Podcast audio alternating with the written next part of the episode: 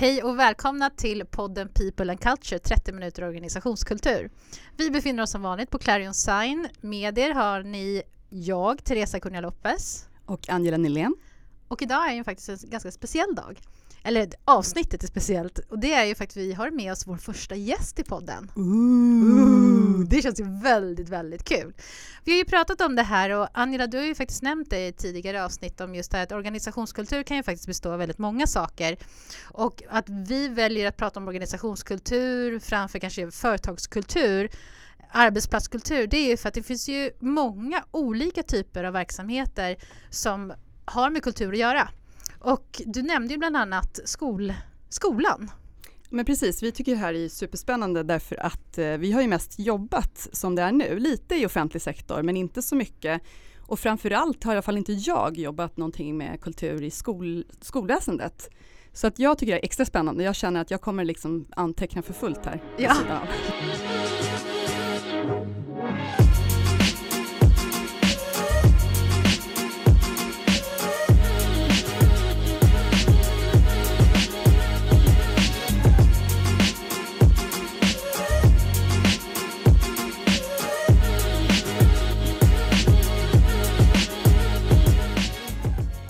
Ja, men det är, vi är väldigt excited över det här. Och vi har ju bjudit in en person här nu som faktiskt har i sin roll att jobba med kulturen. Personen i fråga det är ju Gabriella Parisanovic. Du jobbar som förstelärare på gymnasieskolan Viktor Rydberg. Du kanske kan börja med att beskriva lite, för de som inte känner till Viktor Rydberg, vad, vad är det för typ av gymnasieskola? Viktor Rydberg eh, gymnasium eh, startades för 25 år sedan. Ehm, och då hade vi två stycken eldsjälar som såg att ehm, det saknades någonting. Så de startade Viktor Rydberg ute i Djursholm. Och det blev även min första anställning där jag var i 12 år faktiskt. Ehm, och det, där har fokus varit mycket på just det estetiska uttrycket. Och eh, vi har som mantra eller motto att hjärnan vill ha roligt. Eh, på engelska entertain your brain. Lite cheesy men det, det stämmer väldigt fint på hur vi försöker tänka och jobba och hur vi vill att våra skolor ska vara. Idag är vi ju betydligt fler skolor. Eh, vi har ju flera gymnasieskolor varav en är då Viktor Rydberg gymnasium Sundbyberg som jag eh, är med och bygger nu från grunden. Vi öppnade i augusti.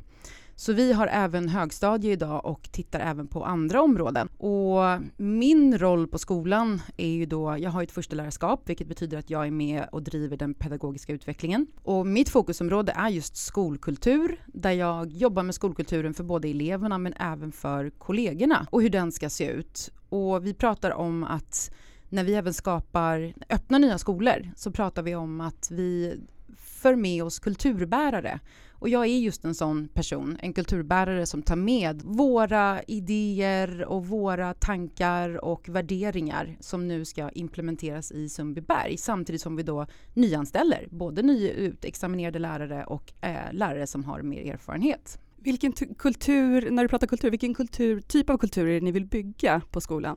Vi vill ju ha en miljö och en kultur där man känner sig fri och att det finns möjligheter, en tillåtande miljö, en öppen miljö.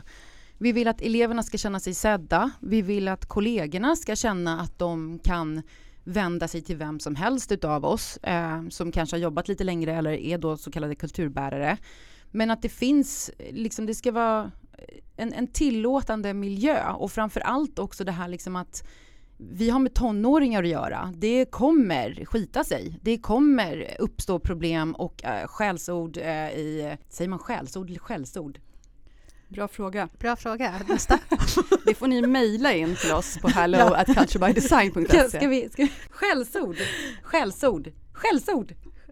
Ja, det här, det här får ni... Svordomar får du säga, det är okej. Okay. Ja, svordomar. Mm. Uh, ja eh, men i, i korridorerna och man hör saker. Och då måste vi hugga på det. Vi måste uppmärksamma och säga liksom att det här är inte okej. Okay. Så det är ju fortfarande så att vi har ju en, en fostrande uppgift också såklart så.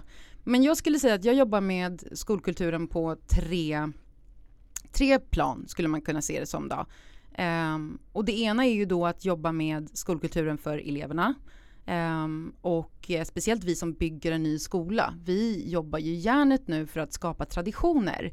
För vi vill ju att skolan ska vara en plats där man liksom är peppad av att, över att klä upp sig till halloween. Eh, eller att det är ett alla hjärtans dag-firande där alla känner sig inkluderade. Nu i, i, på alla hjärtans dag så stod jag och tejpade en kramruta då där man kan ställa sig liksom. Vi har inga omröstningar om vem som är den snyggaste. Det är sånt skippar vi liksom. Utan vi i så fall har vi någonting liksom att eh, man mer tittar på kvaliteter eh, i egenskap av att man är en god kamrat. Och det är någonting som vår stiftelse har haft ända sedan starten. Och det är att när årskurs 3-eleverna tar studenten då har alla årskurser fått rösta, eller framförallt årskurs 3 då, men då har de alltså fått rösta på vem som är god kamrat. Så vem som har varit en, en, bra kamrat genom alla de här åren. Och de får då ett litet stipendie på studentdagen. Och det är någonting som jag tycker visar väldigt tydligt vad det är vi strävar efter. Liksom att vi vill att ha en miljö där man är en god kamrat liksom, och står upp för varandra helt enkelt. Så delvis skolkulturen, men sen har vi då också kulturen inom kollegiet. Att våga, eh, om man är ny, ställa frågor eller att våga eh, och nu kommer jag in på det tredje området och det är väl det här liksom att utveckla liksom stiftelsen framåt. Och det är just det här att våga misslyckas vurmar jag ganska mycket för. För jag har lämnat prov bakom mig. Eh, jag gör inga prov. Vi, vi gör rollspel, någonting eh, som jag kallar för marketplace där de redovisar inte inför hela klassen utan mer som marknadsstånd. Så står de då där och presenterar vad de gör. Ehm, och jag jobbar ju nu hjärnet på att lära mina nya kollegor som kanske inte har lika mycket eh, erfarenhet att våga, våga testa. Självklart behöver man erfarenheten med sig. Men att liksom lär er av mina misstag. Självklart ska du också våga eh, testa och se. Men att istället för crash and burn så säger jag crash and learn. Eh, om vi inte vågar misslyckas så kommer vi heller inte utvecklas. Så de tre områdena är väl det som jag eh, utvecklar och jobbar med på, på Viktor Rydberg i Sundbyberg då. Det låter ju väldigt mycket som att egentligen så skiljer sig inte så jättemycket åt hur ni vill, den kultur ni vill forma eleverna till från den ni, ni jobbar med kolleg kollegorna med. Eh, stämmer det? Uppfattar det som att ni liksom egentligen är det samma värderingar ni jobbar absolut, efter? Absolut. Och det är ju väldigt intressant tycker jag att, mm. eh, för vi stöter ibland på när man jobbar med företag så är det vanligt att man kanske har en approach utåt mot kund mm. och sen har man en internt mm. och att man liksom skiljer de här två åt. Mm. Eh, men vi pratar ju mycket om, eller vi förespråkar väldigt mycket att nej, liksom ha samma värderingar även ut mot kund, liksom, mm. för det är där liksom, det går det hela vägen ut. Mm. Så det är väldigt intressant tycker jag hur du, märker ni eller märker du av att eh, liksom, det får en, en, eh, en, vad ska man säga, ringar på vatten-effekt. Att liksom det som ni gör kollegialt liksom går ut mot eleverna också. Absolut. Eh, bara nu senast i Valborg så kände vi, liksom, för nu kör ju vi distansundervisning. Eh, vi träffas på skolan, eh, många av lärarna, men inte alltid. Vi sitter ju också på distans då, men eleverna sitter ju hemma i sina klassrum. Och hade de varit i skolan, eh, nu har ju vi bara årskurs ettor för vi är nystartade, men hade det varit årskurs treor då hade det varit mösspåtagning till exempel då. Men det vi gjorde nu var att jag, jag tog initiativet till att så här, nej men nu sjunger vi Vintern rasat eh, ut bland våra fjällar liksom. Och så börjar vi spåna och där i teamet då så står vi liksom och det, det är som någon säger då så här, inte det här lite cringe som eleverna säger? Och vi säger, jo det är det, men vi, vi bjuder på det. Du kanske kan förklara vad cringe betyder för våra lyssnare ja, som inte har hört uttrycket? Cringe om ni inte känner igen det, det är alltså då när någonting blir väldigt pinsamt, sen är det så att man rynkar ihop hela ansiktet och speciellt i egenskap av en yngre generation upp mot en äldre som försöker vara lite cool. Eh, så så för, för er föräldrar där ute som lyssnar på det här, då vet ni om era barn pratar om er ja. på det sättet. Så, eh, men det slutar ju med att vi gör en ganska sådär, alltså improviserad men ändå synkroniserad liten dans där vi liksom står och viftar med armarna och det är hjärtat klappar och det är fåglar flyger. Och sen så lägger jag upp den här på, vår, på vårt Instakonto eh, och önskar alla våra elever en glad valborg. Och det här är någonting som vi då, vi försöker ju, det är ju lite lead by example, att vi vill ju att de ska se att det är okej. Okay. Man behöver inte vara så allvarlig hela tiden utan det är okej att liksom skapa lite cringe moments eh, för att om det får någon att le, det får kanske någon att slappna av. Eh, och vi fick jättemycket fin feedback på, på, på, på det. Nu är vi precis nystartade, men just det här att vi kommer utklädda till halloween. Allihopa, vi gick all in. Jag kom som en kackerlacka, rakt av. Och, och då ser man liksom att eleverna skiner upp och då ser man att till nästa gång det är någonting, då hakar de också på. Så vi är ju precis i processen av att de här ringarna på vattnet börjar infinna sig men det är ju en, en treårsperiod liksom eh, som vi, vi jobbar nu för att liksom sätta de här traditionerna skulle jag säga. Jag måste fråga, vi pratar om det här med kultur nu, vi pratar om liksom att ni håller på, precis på att etablera er, det är en ny skola. Vi har ju pratat i tidigare avsnitt om det här, bland annat om boarding. Och hur, hur jobbar ni med rekrytering och onboarding för att förmedla den här kulturen som ni ändå ämnar att, att ha? Det är ju det är lättare nu i början för nu är vi ett, eh, eller lättare och lättare, men i början nu så är ju vi då, eh, vad är vi, 14 stycken ungefär då. Eh, och då har vi ju skolkurator och skolsyster och, och, admin och sånt. Så vi är ju ett litet gäng som är väldigt tajta. Och någonting som vi gör då är ju då att jag och mina kollegor som har första lärarskap, vi jobbar ju nu på att titta på både innan vi går på sommarledighet att eh, den konferensen, att inventera vad, vad har funkat i år, vad har inte funkat, vad vill vi ta med oss, vad behöver vi skruva upp, vad behöver vi ta bort? Och då på samma sätt så är det det vi introducerar då de här nya lärarna till. Men det roliga är faktiskt att jag lyssnade på er podd och just det här med onboarding eh, och eh, har tänkt pitcha till min, eh, min chef att vi ska köpa en polaroidkamera och vi bara ska ta ett foto på oss och skicka då till våra nya kollegor att de liksom, det här är vi. För vi är så måna om att just sätta tonen tidigt. Vi fick en ny kollega nu i januari som kom in och han fick liksom bara infinna sig i att vi var så här, nu är det AV, du ska med! Och han var så här, okej, okay, jag kommer. Och nu tar han själv initiativ till AV. Och det där är superviktigt att det finns liksom en gemenskap runt omkring.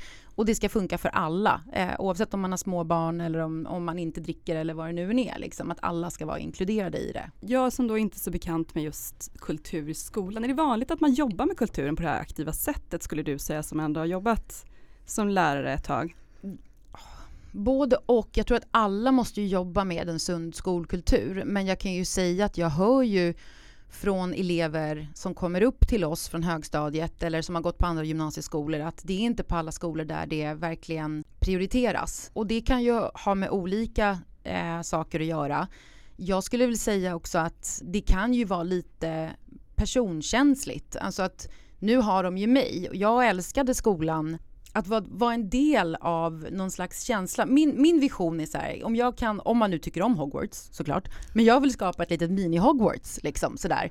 Utan de taskiga liksom så här äh, dödsformlerna liksom mellan liksom äh, de, de olika lagen sådär. Men ni fattar vad jag menar, det här lite mysiga, att man ska känna liksom att det är okej att naturprogrammet eller ekonomiprogrammet, liksom att de kan känna stolthet över sina program, men det får inte bli fientligt. Det får inte bli att man ser ner på ett annat program för att intagningspoängen ser ut på ett visst sätt. Och där kan jag ju säga så här, jag har rutit eh, och smält i dörrar.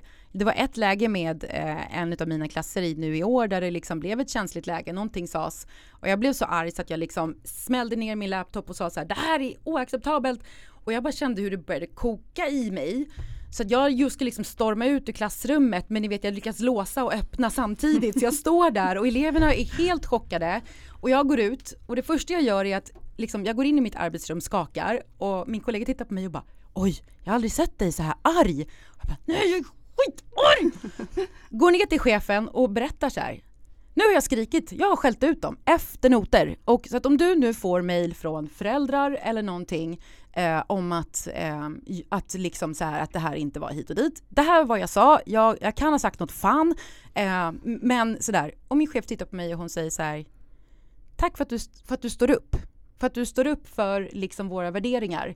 Uh, vi tycker om när man liksom vågar säga ifrån och markera att det här är inte okej. Okay, liksom så. Självklart kan man ju diskutera hur man ska reagera eller inte. Uh, men det, var också, det är också en bekräftelse för mig att just det här liksom att så här, och som jag, jag vet det, jag tycker så här, du kan inte, jo det är klart du kan. Jag kan inte vara lärare utan att vara lärare med hjärta och liksom med, med hela mitt känsloregister. Liksom så. Självklart ska jag inte sitta och prata med elever om eh, privata saker som är olämpliga. Liksom så. Men att skapa relation med eleverna och skapa en, en miljö där de vill sitta kvar efter lektionen och prata med dig. Det får du genom att vara genuin. För då blir du trovärdig. Eh, och om du ska hålla den här lärarfasaden som finns i alla yrken, alla har liksom fasader som man ska upprätthålla, så tror jag att man, man förlorar mycket på det i, i relationen till eleverna. Så att jag, jag jobbar stenhårt på att de ska känna liksom förtroende för mig genom att jag är genuin och att ibland gör jag fel och då ber jag om ursäkt till dem också. Och jag säger till dem så här, det här momentet blev inte så bra som jag ville. Men det är ingen fara, oroa er inte för det. Jag kan fortfarande bedöma er. Men nu behöver vi liksom inventera här och se vad gick bra, vad gick dåligt, så gör vi om. Så just som du säger det här med kultur inom, alltså inom organisationen och utåt, att det, jag är superärlig med dem om nej, det här blev inget bra liksom. Jag tycker det är så intressant. Eh, jag får verkligen eh, kopplingar när du pratar nu. Så både jag och Angela, vi har jobbat som organisationskonsulter under väldigt många år och vi har jobbat med ledare i alla typer av organisationer, små bolag, större bolag, internationella, you name it. Och jag får ju sådana kopplingar när du pratar om dig och dina elever till ledarskap. Och vilken roll du har. För att du pratar ju om ett ledarskap som skapar förtroende. Det är också just det här, våga vara sig själv. Vara, det skapar trovärdighet i det hela. Så jag tycker det är väldigt intressant det här. Det är, det är en reflektion som jag inte riktigt har gjort tidigare över att just det här, att vara lärare är också att vara en form av ledare. Absolut. Du skapar ju beteende, vi pratade om det i förra avsnittet, om just det här att man, du agerar ju på ett sätt som skapar en kultur. Vi pratade precis, jag tänkte exakt på samma sak. Jag tänkte på det här vi pratade om att lyfta beteenden som är önskvärda och att markera mot mm. beteenden som är icke önskvärda. Mm. Och det är ju där många ledare gör fel. Mm. Det vill säga man har en kultur eller man, man har värderingar som man står för. Mm. Men sen när någon agerar emot de värderingarna så markerar man inte mm. inför andra. Och det är ju lite som att säga att det är okej. Okay, mm. indirekt. Så det är jätteintressant mm. att höra och, mm. och, att man liksom kan, precis som Teresa sa, dra den kopplingen att det, det, det skiljer inte så mycket. Så det är, och just hur man skapar trovärdighet, men transparens som du säger. Det här blev inte så himla bra eller nu sa jag så här, det kanske inte var rätt alla gånger. Eh, och sen att du lyfter att du är mänsklig, för det är något som jag ofta säger också, det här mänskliga i, alltså det, det är liksom en förlegad syn på ledarskap, att man ska vara stor, stark och allsmäktig mm. och ha alla svaren och sådär. Eh, men det gör ju att man lättare, större benägenhet att följa dig tror jag som, som elev om, om man känner att men du är ju här, du, du är dig själv. Vi, vi eh, lärare blir ju då inbjudna till Trena studentbal bland annat. Och då hamnar jag i en sån här situation där jag sitter och pratar med några elever och vi reflekterar över de åren som har passerat. Och så, så, så var det en elev som sa till mig just då att, och en elev som hade varit ganska tyst under året skulle jag säga, sådär, men liksom eh, närvarande och så, men inte den som, som liksom ägde klassrummet. Och han, bara, han, han pausade och sa, tittade upp och sa det att jag har nog aldrig haft så mycket respekt för en lärare utan att vara rädd för läraren. Och det för mig var så här, Uh. vet, jag, alltså, jag är inte den som tappar talförmågan. Liksom, så här, jag, jag kan prata, jag, liksom, ja, verbal diarré. Eh, och, eh, så jag, menar, jag är bra på att prata, men här blev det liksom så här, det var så fint sagt och det, det var som att han slog huvudet på spiken i precis hur jag vill vara. Um, och jag vet att det var en annan elev som sa till mig liksom att du är, du är stenhård men, men rättvis. Att de vet vad de har mig. Att jag, jag, jag kräver saker men jag ger också saker tillbaka. Um, och just det här liksom att jag vill inte få respekt genom att skrämma eller hålla liksom betygen ovan deras huvuden för att de ska liksom göra saker. Och det är väl det som är liksom någonstans kärnan i det hela. Och precis som du säger Teresa, det alltså, vi är ju ledare. Jag menar, vi har, jag har fem klasser i år um, och i vanliga fall har vi fler klasser än så. Um, men man har runt, runt 200 elever som du träffar i varje vecka. Det är många. Och då har vi alltså hört rekommendationer från, jag vet ett företag eh, som jobbar väldigt hårt med det här och hade utmaningar i ledarskapet.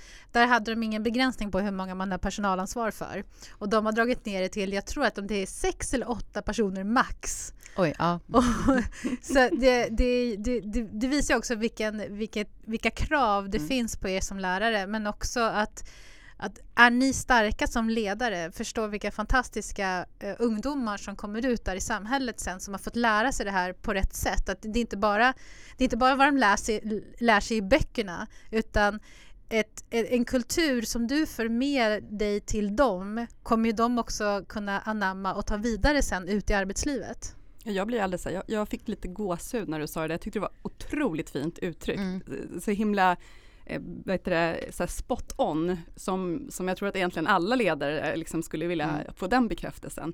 Det är ju fantastiskt, det är så man vill att det ska vara. Och, och det här som du liksom skapar den där tilliten som du säger. Att jag tror att du gör liksom det du beskrev också när du sa så här, men jag, jag hotar inte och jag använder inte betygen och så här, men det du gör som du beskriver det är att du är konsekvent. Mm. Och det är något som vi också pratar om hela tiden med att man måste vara konsekvent för då vet medarbetare vad det är man har att vänta sig av sin ledare och då är man trygg, man vågar liksom mm. köra på och man har ett förtroende, man vet att du kommer säga till när jag gör någonting fel. Men jag är lite nyfiken på, för nu pratar vi kultur i skolan och så här, har ni några liksom Mäter ni det här? Eller jag menar, ser ni liksom konsekvenser av det, positiva konsekvenser någonstans som ni liksom kan känna att åh, det här är för att vi faktiskt jobbar så mycket med vår kultur? Absolut. Det görs skolutvärderingar eh, varje år. Vi gör det internt och där får eleverna svara på till exempel frågor som eh, en som jag tycker är ganska talande. Jag kan rekommendera min skola till andra. Och bara den siffran är viktig. För att om man inte kan rekommendera sin skola, då gör vi någonting som inte, liksom, eller då, då, då, bör vi göra någonting annat än det vi gör. Men man får också då liksom svara på frågor som eh, just det här att, ja, nu kommer inte jag ihåg ifall vi ändrade om det, men det har varit i alla fall att på Viktor Rydberg är det okej okay att misslyckas och så vet jag att man ändrade på det till att det är okej okay att ta risker för att misslyckas blev liksom ett så laddat ord. Eh, så att man istället då, just det här liksom att vi vågar ta risker. Och det är någonting som, som jag nu, eh, liksom, jag kan komma tillbaka till det spåret sen, men just det här att våga misslyckas är så himla himla viktigt. För att eleverna kommer till oss ibland och tror att så här, oj jag fick inte A på första uppgiften, jag siktar på A i kursen. Det är kört för mig. Och där är ju mitt jobb då att bygga förtroende, att de måste lita på att så här, nu ska vi träna i ett år vi ska träna. Du kan, alltså alla kommer inte in på första plats direkt utan nu ska vi träna. Och då när de kan svara på eh, frågor till exempel då som att så här, det är okej att ta risker eller att jag vet vem jag ska vända mig till eller jag har kompisar på skolan. Liksom, att så kan ju vi se om vi gör rätt jobb så. Eh, Sen kan vi ju säga så här, det vi kan se i år eh, som nystartad skola är att det tar ju också tid. Vi har en fantastisk grupp elever som håller på att försöka starta igång en elevkår. Eh, och där får ju vi inte vara så inblandade, för det är ju elevkåren som ska driva det. Men vi hjälper ju dem och stöttar upp dem att försöka komma igång och finnas där som bollplank så. Men allt eftersom så skapar de kommittéer och har då de här fina traditionstillfällena på skolan. Alltifrån om det är våffeldagen eller halloween eller olika eh, utklädnadstillfällen. Så. Upplever du som att ni är lättare att rekrytera? Jag tänker, det pratas så mycket om kompetens, lärarkompetens är efterfrågad och svår att få och sådär. Ni, tycker du att ni verkar ha lite lättare att kunna locka med att ni har, liksom, jobbar mycket med kulturen? Både och. Det, man ser ju jag kan säga att vi, vi har ett bra, eh, en bra ledningsgrupp som ställer just frågor som är riktade till de lärarna som söker positioner hos oss hur man ser på elever. Är det bara liksom att gå till jobbet, göra sina lektioner och sen går man hem igen? Eller är det så att du tycker om att umgås med eleverna? Alltså att de får frågor riktade till sig. För att jag vet att det här har vi pratat om, liksom att, så här, att en felrekrytering är ju så mycket svårare att åtgärda än en person som, liksom, det är klart att det går, men det är ju svårare än att få in en person som redan har det tankesättet. Men det finns båda och, men jag tänker så här, vi så som vi jobbar nu, när vi liksom är flera som är ganska sådär inte rädda för att göra bort sig, inte rädda för att ställa sig inför alla liksom, i, på skolan så sätter ju vi lite liksom standarden för de som kommer in. Och det var ju därför jag tänkte just det här att jag vill skicka en polaroidbild till våra kommande kollegor och typ bjuda in till så här, årets första AV eller vad det nu än skulle vara, liksom någonting sådär bara för att liksom att känna så här, här lägger vi ribban. Eh, och sen får man såklart lägga sin ribba där man är bekväm. Och det vill jag också poängtera att jag förväntar mig inte när jag coachar nya kollegor att de ska bli jag Absolut inte. Jag är ute efter att de ska ta fram det de är bra på och att de ska bli bäst på det de känner att de kan få lysa i när det kommer till att skapa relationer och band till eleverna. För att liksom att försöka ta efter någon annan, det blir sällan rätt utan de måste lyfta fram det, deras bästa kvaliteter. Har ni många som söker till er då? Absolut, Ja. det finns många som söker. Ja, är det, upplever du att det är många fler eller att ni liksom har lyckats jobba upp någon slags Jo, men det skulle jag nog säga, liksom att, att eh, stiftelsen Viktor Rydberg har ett gott rykte, eh, definitivt. Så vi har ju många sökande eh, på alla positioner på alla skolor, definitivt så. Och det är ju någonting positivt, för det gör ju att vi, att man kan kanske då liksom hitta de här personerna som verkligen kommer passa. Men precis som alla andra skolor så sitter vi också i, i ett kärvt läge där det är brist på matte, NO-lärare och det kommer ju bli ännu mer brist framöver. Så jag menar, vi, jag, jag säger, folk tror ju knappt mig när jag säger så här att jag älskar mitt jobb. Jag älskar att vara lärare. Att om man har de tankegångarna, lärare är ett grymt yrke, absolut. Man hör jättemycket skräckhistorier och det finns kollegor på andra skolor som har det riktigt tufft. Det ska jag inte ta ifrån dem, absolut inte. Men jag vet att de, även de som har det tufft älskar sina jobb. Sen är det mycket som behöver ändras liksom, på, på politisk nivå kanske i justeringar så. Men det går inte jag in på här. Jag måste fråga, du, pratar, du var inne på det här att de har det riktigt tufft på andra skolor. Kan du ge exempel ändå? För vi, vi har ju varit inne lite på att det finns ju olika typer av kulturer. Eh, man kan ju prata om dysfunktionella kulturer också. V- vad skulle det kunna vara?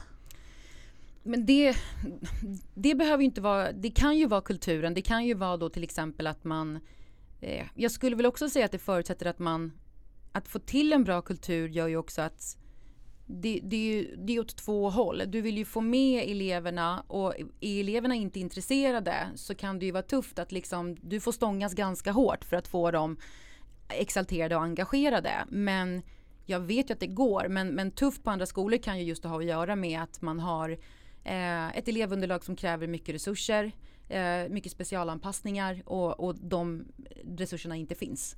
Eh, det är en tuff arbetssituation, helt klart. Du nämnde tidigare att du skulle det här, ta upp den här onboarding, eh, att du Mm. skulle skicka ut och skulle gå till, till ledningen och, Mm. och pitcha det. Det låter ju som att ni har väldigt stöttande ledning i de här frågorna som har förstått liksom, att kulturen är viktig. Mm. Vad, vad, liksom, vad tror du det, det grundar sig hos dem? Det liksom, var kommer det ifrån? Nej, men jag tror att det är ganska uppenbart att när vi har ehm, ett fungerande samliv, det låter så konstigt men när vi har ett fungerande, en, en, ett fungerande team, eh, när vi ser att, att alla trivs, då, då vågar man också mer. Och min rektor nu, min chef som då plockade mig då till den här skolan, jag sökte ju såklart, eh, men hon är verkligen en person som vill skapa en känsla av att vi är ett team, vi gör det här tillsammans. Och hon var också tydlig med att när vi började liksom att så här, det här är en ny skola, vi kommer lägga rälsen as we go. Och då måste man vara flexibel och våga och säga så här, det här blev inte så bra men det kan bli bättre till nästa år liksom. Så jag tror att på alla våra skolor så ser man just den här känslan av att göra saker tillsammans, det är viktigt för att man ska vilja sitta kvar efter jobbet och prata med sina kollegor för att det skapar just en känsla av, av ett team.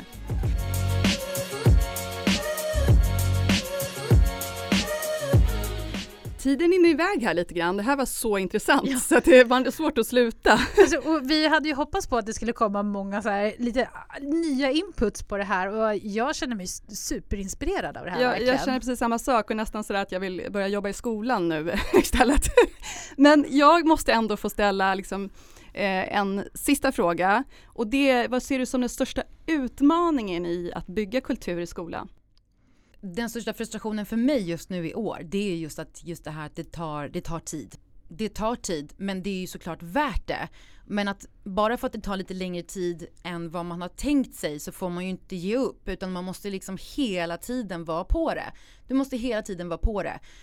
Um, och det är just det liksom att så här, du kanske är stressad som lärare och behöver snabbt gå igenom korridoren. Men om det sitter en elev där som ser lite hängig ut du ska bryta, du ska gå fram till den eleven och säga kanske bara så här, tja, hur är läget? Bara, är helt okej? Och det kan, det kan vara det som avgör liksom den dagen, den veckan, kanske någonting större för den eleven. Att just våga säga det. Jag såg ett, ett gäng med elever som satt och pluggade och då hade vi haft någon konferens uppe på femte våningen. Och, och jag var så här, hur går det för er? Ja men det går bra, vi är lite hungriga. Och jag var så här, häng kvar. Eh, så bara, är det någon som inte äter kött? Ja, och så gick jag upp på våningen där uppe för det var hur mycket mackor som helst som inte hade gått åt. Tog med mig fem mackor ner, delade ut till dem och de tittade upp på mig och sa är du sann? Så men det är klart att ni, de, ska de här slängas eller någon ska äta dubbletter? Det är väl bättre att ni äter dem, ni sitter ju här och pluggar. Och det är just det, att liksom att jag tänker att den största utmaningen är att ni vi, alla som jobbar inom skolväsendet, det är verkligen hela tiden. Um, och självklart får man ha en dålig dag. Men då i, i, i en perfekt önskevärld, om alla vi lärare då har det här mindsetet, då har vi utrymme för att någon har en dålig dag och inte orkar eh, kanske vara den som ser alla elever. Eh, utan då kan någon annan, då är det någon annan som ser den eleven istället då liksom. Men det skulle jag säga liksom den största utmaningen, att, liksom, att, att orka se, orka fråga. Och är man ny lärare så kan det vara lite läskigt för man kanske inte vet hur man ska hantera det.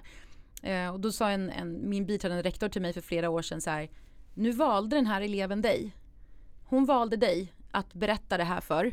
Och nu får du hantera den här situationen utefter hur du känner att du mäktar med. Och vill du lämna över det här till elevhälsan så har du all rätt att göra det. Men känner du att du orkar finnas där för henne så tror jag att du kommer göra en stor skillnad för hon valde dig. Och det tyckte jag kändes jätteskönt för då hade jag också uppbackningen av elevhälsan som fanns där. Men jag kunde också vara den här länken och jag fick coachning genom mitt första liksom en, en första krasch med en elev som hade liksom mådde jättedåligt. Och jag kunde finnas där för personen genom hela den här skolgången då. Så liksom att orka, det skulle jag säga. Att våga se. Jag tycker det var fantastiskt fina avslutande ord på den här diskussionen som har varit så fantastisk. Ja, alltså verkligen. Och det känns ju som att alltså, för att summera det hela så är det, vi pratar ju eh, organisationskultur och vi har, det har ju gått in väldigt mycket på ledarskapskultur här också. Vi ser ju på eh, du har ju pratat om förtroende, du har pratat om att vilja misslyckas eller våga riska. Jag tycker det var fantastiskt det du sa, så här, att istället byta ut misslyckas mot att våga ta risker. Vilket jag tycker är helt fantastiskt, för det blir en helt annan innebörd. Du pratar om att se individerna, att stanna upp, även om du har hur jobbigt som helst, som ledare, att stanna upp och se den där individen. Eh, jag tycker det har varit fantastiskt. Transparens, du pratar förstärka beteenden och, och ja, det är så mycket som vi har pratat om tidigare här när det gäller just organisationskultur som du bekräftar eh, men inom skolan. Jag tycker det är, ja, det är så, så roligt att höra och jag önskar att vi hade mer tid. Ja. Men det har vi inte. så vi får tacka dig eh, Gabriella för att du mm. kom hit idag och ville dela. Det var jättekul att vara här. Och skulle det nu vara så att ni har några frågor kring det här avsnittet så får ni gärna mejla oss på hello at culturebydesign.se. Och självklart så har ni frågor direkt till Gabriella så mejla oss där så kan vi vidarebefordra det till henne. Så uh, ser vi till att ni får svar på även de frågorna. Tack för att ni lyssnar idag. Vi hoppas att ni är med oss nästa avsnitt också. Tack från oss. Tack.